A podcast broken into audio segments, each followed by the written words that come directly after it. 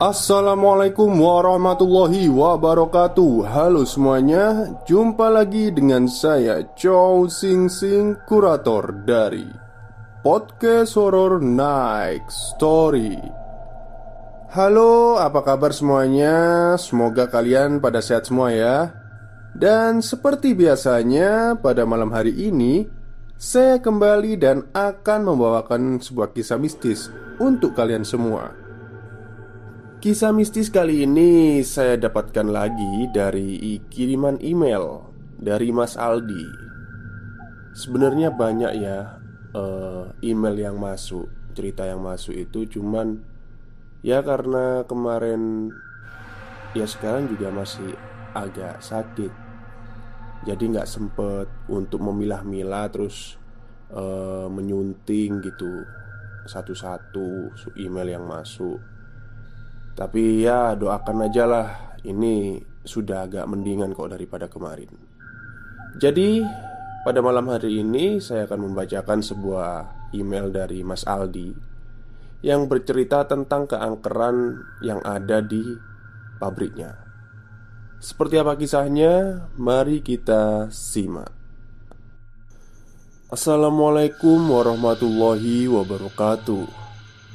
Halo Bang Chow Sing Sing Semoga sehat selalu ya bang dan channelnya semakin maju.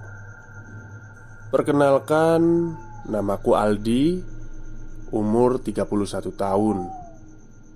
Saya bekerja di sebuah pabrik industri di bidang pembuatan pemanis buatan Pabrik ini berdiri pada tahun 80-an Saya bekerja sejak tahun 2015 akhir dan saya bekerja sebagai satuan keamanan alias security pabrik.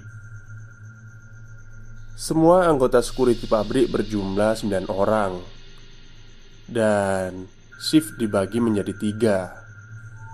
Satu shift terdiri dari tiga orang. Shift 1 kerja dari jam 8 sampai jam 16 sore. Shift 2 dari jam 16 sore sampai jam 24 atau 00 Sedangkan shift 3 kerja mulai dari jam 24 sampai jam 8 pagi. Di bagian shift saya itu ada ketuanya Namanya Pak Sumarna. Dan ada teman juga, teman saya namanya Putra jadi begini bang ceritanya itu. Waktu itu hari Kamis Saya dan shift saya itu kebetulan jadwal jaga di shift 3 Satpam shift 3 harus siap mental dan keberanian Karena tanggung jawabnya lebih berat dibandingkan shift 1 Ya bisa dibilang Satpam di shift 3 ini banyak banget mengalami kejadian mistis. Ibarat kata sudah makanan sehari-hari buat satpam di shift 3 Tapi mau tidak mau ya harus dijalani. Saya berangkat kerja dari rumah jam 23.00 Dan sampai di tempat kerja sekitar ya setengah 12an Dan kulihat ada satpam jaga shift 2 berada di pos yang sedang berjaga. Sesampainya di pabrik, aku pun masuk dan absen di depan kantor. Tidak lama kemudian, Pak Sumarna dan Putra pun masuk. Sambil menunggu jam 24.00, kami pun berbincang-bincang dengan Satpam Shift 2. Ya, ibarat kata serah terima tugas lah, Bang. Jam 24 lebih 10 pun akhirnya tiba. Aku dan Putra meminta izin kepada Pak Sumarna Untuk mengecek situasi pabrik dan sekelilingnya. Oh, Maaf komandan. Minta izin untuk mengecek situasi pabrik. Siap, laksanakan, hati-hati ya. Dan entah kenapa Saya pun berbicara dengan Putra. Put Kita bagi menjadi dua ya. Kamu ke arah produksi Saya ke arah kantor dan mes. Nanti kita ketemu di pos belakang. Oke siap Al Kata Putra. Dan akhirnya saya dan Putra melangkah ke area yang sudah kita sepakati Saya pun melangkah ke kantor dan mengecek sekeliling kantor Sepintas saya merasa ada seseorang berada di dalam kantor itu Dan benar saja Ada sosok wanita memakai baju putih bermotif bunga di bajunya, dan rambutnya kulihat sebatas leher. Dia melangkah dari arah belakang kantor ke ruang rapat. Sontak, aku pun terkaget dan berbicara dalam hati. Tidak mungkin ada karyawan yang bekerja sampai malam hari Akhirnya aku pun mencoba melupakan apa yang baru saja aku lihat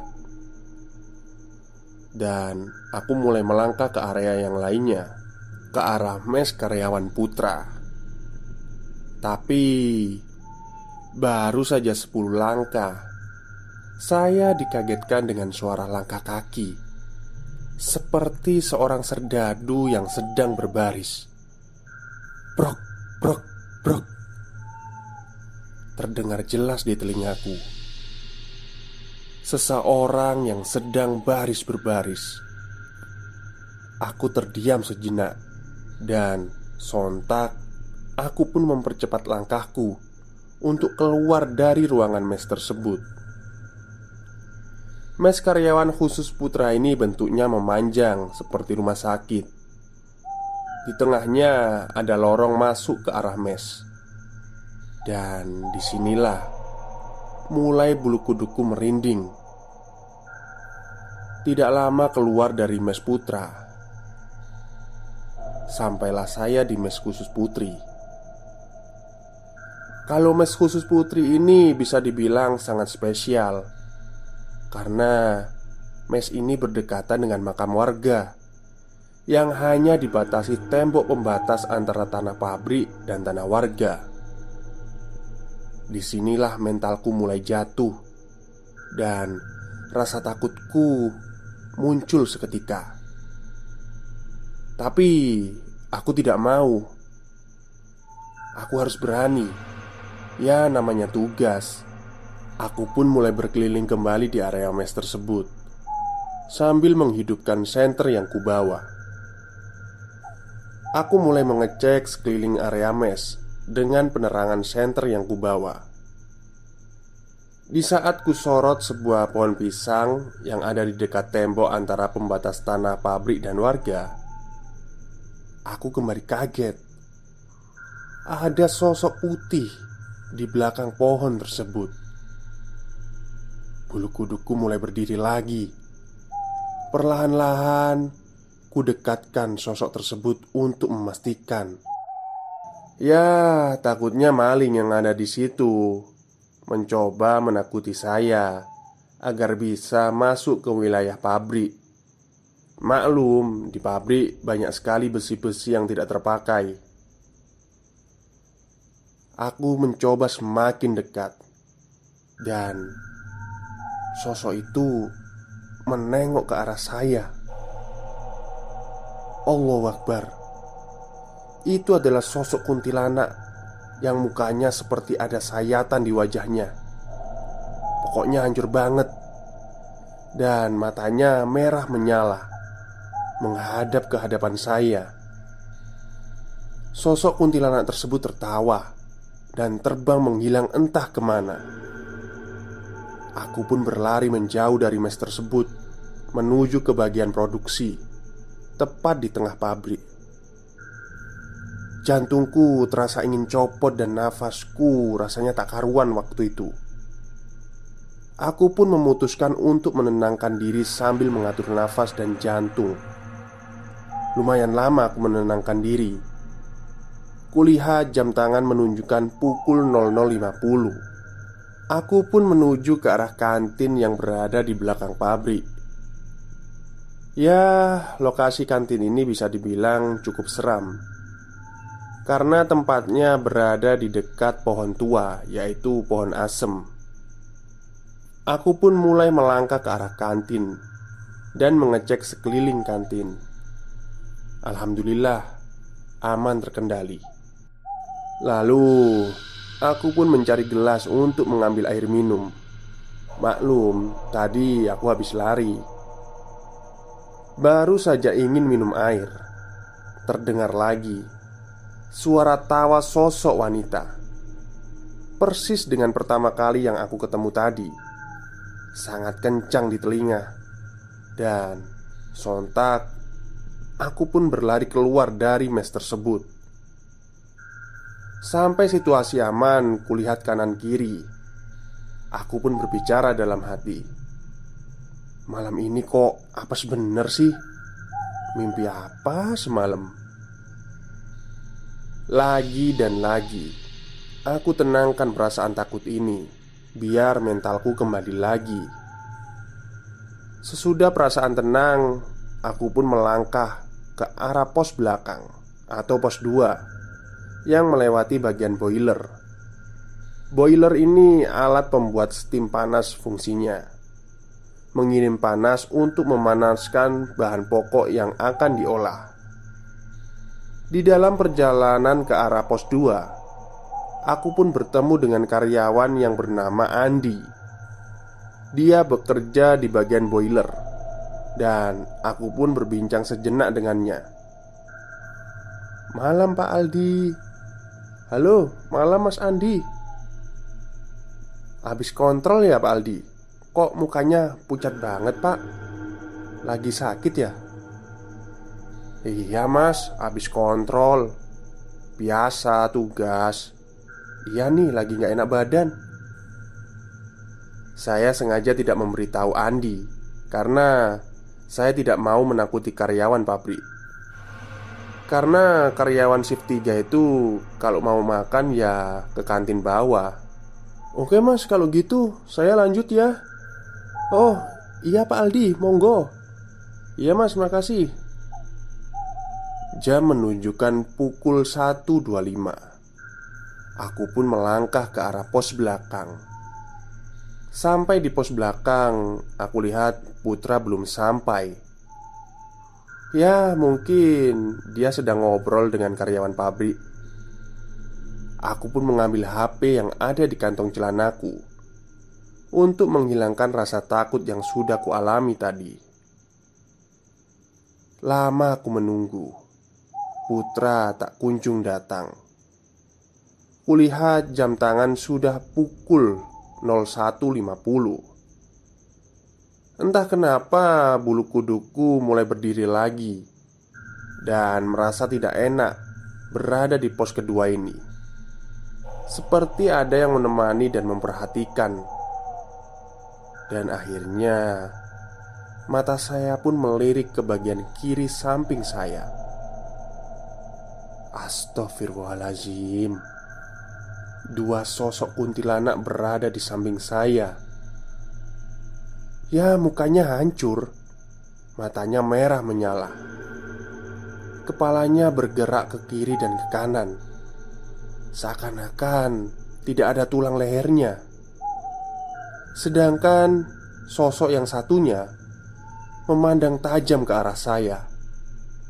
Mata sebelahnya keluar. Dua sosok tersebut tertawa dengan kerasnya. Aku pun hanya bisa terdiam, tidak bisa berteriak ataupun bergerak. Saya sangat dekat dengan sosok tersebut. Bisa dibilang jaraknya hanya 20 cm. Bau busuk dan anyir terasa di hidung saya. Saya ingin sekali menutup mata, tapi tidak bisa. Seakan-akan saya tidak kuat lagi melihat mereka. Akhirnya, saya pun membaca ayat kursi di dalam hati berulang-ulang. Tidak lama kemudian, dua sosok itu pergi menembus pintu pos tersebut. Alhamdulillah, akhirnya sosok tersebut pergi. Saya merasa lemas. Kaki ini seperti tidak ada tenaga untuk pergi dari pos ini. Apa yang saya rasa malam itu tidak bisa saya ucapkan lagi. Rasanya ingin pingsan. Saya pun mencoba lagi menenangkan keadaan saya. Tiba-tiba pintu pos terbuka dan sontak saya kaget. Tapi alhamdulillah, ternyata itu Putra. Woi Al, kenapa lu kaget? Muka lu kayak mayat hidup. Aduh, lu ke mana aja sih Put? Kontrol lama banget. Sorry, ngobrol di jalan sama karyawan. Lu kenapa, Al? Aduh, di sini tadi ada sosok kuntilanak. Astagfirullah. Yang bener lu. Waduh. Jadi merinding nih gue. Udah, udah. Ke pos depan aja yuk. Ya udah, yuk. Sambil berjalan ke arah pos dengan lemasnya kaki ini, Putra pun berbicara ke saya. Al, Cerita lu tadi persis sama yang dialami oleh Pak Bos Masa sih Put? Ucap saya Putra pun menjawab iya Coba lu tanya nanti Oke deh Put Sesampainya di pos utama Pak Sumarna pun bertanya Gimana situasi? Aman gak? Aman Pak Bos Aldi Kenapa mukamu pucat? Seperti habis melihat hantu Iya pak Saya diikuti kuntilanak Dari arah mes wanita sampai ke pos belakang Oh Saya juga dulu seperti itu Mungkin dia ingin kenalan Perkenalannya kok sadis amat pak Ya udah, ya udah, tenangkan dulu dirimu. Sudah ngopi dulu sana. Kalau saya sudah biasa bertemu dengan seperti itu. Kalau satpam yang lain pun sama kayak kamu. Jadi ya nggak kaget. Yang penting nggak menyakiti aja. Iya pak. Saya buat kopi dulu deh, biar agak tenang. Pak Sumarna ini usianya sekitar 65 tahun kalau tidak salah. Jadi dia itu masuk kerja dari tahun 90-an Ya maklumlah Dan aku pun akhirnya membuat kopi Dan saling berbincang dengan Putra. Tidak terasa jam menunjukkan pukul 8 pagi Saya, Putra, dan Pak Sumarna Akhirnya serah terima Kepada Satpam Shift 1 Dan kemudian kami pulang dan beristirahat. Hari Jumat jam 23.00 pun tiba. Seperti biasa Aku mulai berangkat kerja Dan masuk jam 23.25 Dan malam ini Saya pergi bersama dengan Putra. Maksudnya tidak berpencar kelilingnya. Tapi malam ini berbeda. Aman Tidak ada gangguan siapa pun. Ya bisa dibilang lancar-lancar aja. Kulihat jam tanganku menunjukkan pukul setengah dua. Tiba-tiba kami dikagetkan suara teriakan Di bagian pengeringan bahan baku Saya pun dan putra sontak berlari ke arah teriakan tersebut Put put ada teriakan Setibanya di lokasi, saya dan putra pun kaget dengan pemandangan yang kami lihat. Ya, menurut saya cukup mengerikan. Bahan yang warnanya putih berubah menjadi merah, seperti tercampur oleh darah. Ya, benar saja. Karyawan yang bernama Randy yang tugasnya menggiling bahan baku yang sudah mengeras itu, tangannya masuk ke dalam mesin penggilingan Sontak, saya pun mematikan mesin. Putra berlari melapor. Aku tak kuat mendengar suara rintihan Randy. Tanganku, Pak, tanganku.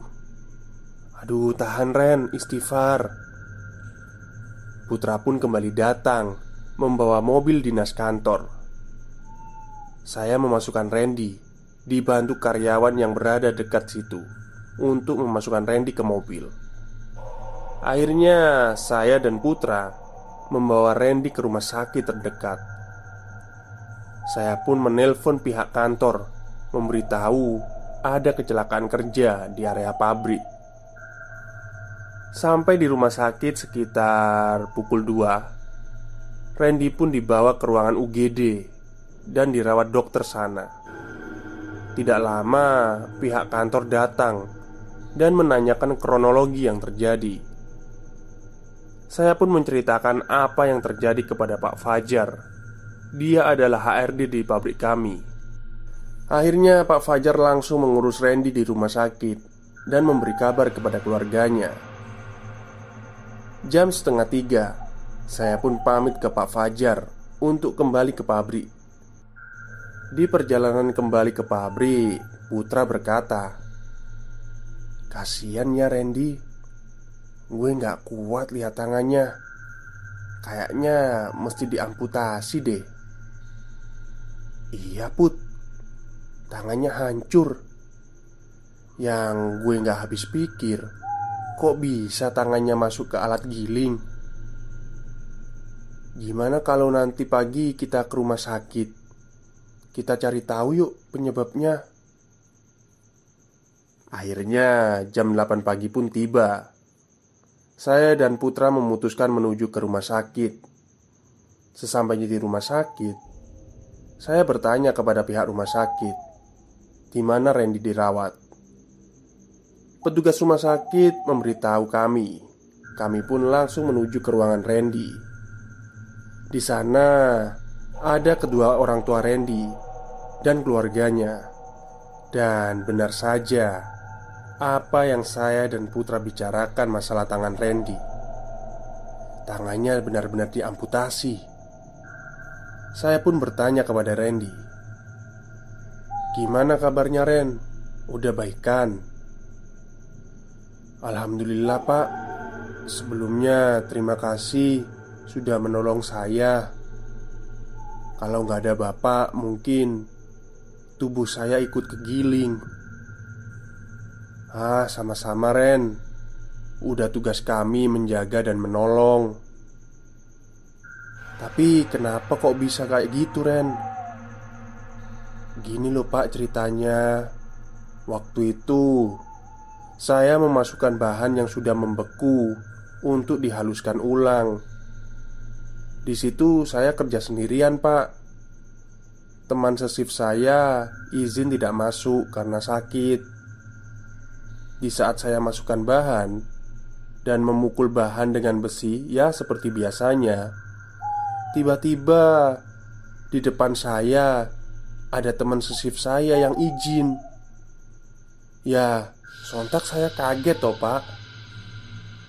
Tidak mungkin dia masuk karena dia udah menghubungi saya. Saya mencoba menegur Tapi dia hanya diam aja.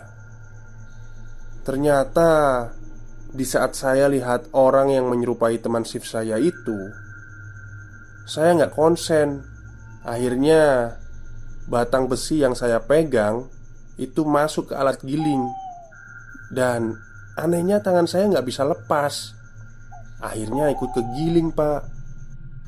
Oh gitu ya Ren ceritanya. Ya ini sih bisa dibilang musibah. Terus pihak kantor gimana? Pihak kantor bertanggung jawab sepenuhnya Dan mengganti rugi pak. Cuman Mau diganti berapa aja percuma pak Tangan saya nggak akan kembali. Cukup dulu cerita dari saya Mr. Chow Sampai di sini ya. Cuman bersambung dulu aja. Nanti dilanjutkan part kedua insya Allah. Pesan saya kepada pendengar di mana pun Anda bekerja Yang modelnya ada shiftnya selalu hati-hati dalam bekerja Dan selalu tawakal Agar dilindungi oleh Allah Subhanahu Wa Ta'ala Terima kasih Bang Cho sudah membacakan cerita saya. Semoga channelnya menjadi yang terbaik. Amin. Assalamualaikum warahmatullahi wabarakatuh. Baik, terima kasih kepada Mas Aldi yang sudah membagikan ceritanya pada podcast Horror Next Story ya. Jadi, itu tadi adalah pengalaman kurang mengenakan yang dialami oleh Mas Aldi sewaktu dia bekerja di pabrik. Ya sampai sekarang di pabrik sih kayaknya ya. Oke, mungkin itu saja yang bisa saya sampaikan pada malam hari ini. Kurang lebihnya saya mohon maaf. Assalamualaikum warahmatullahi wabarakatuh.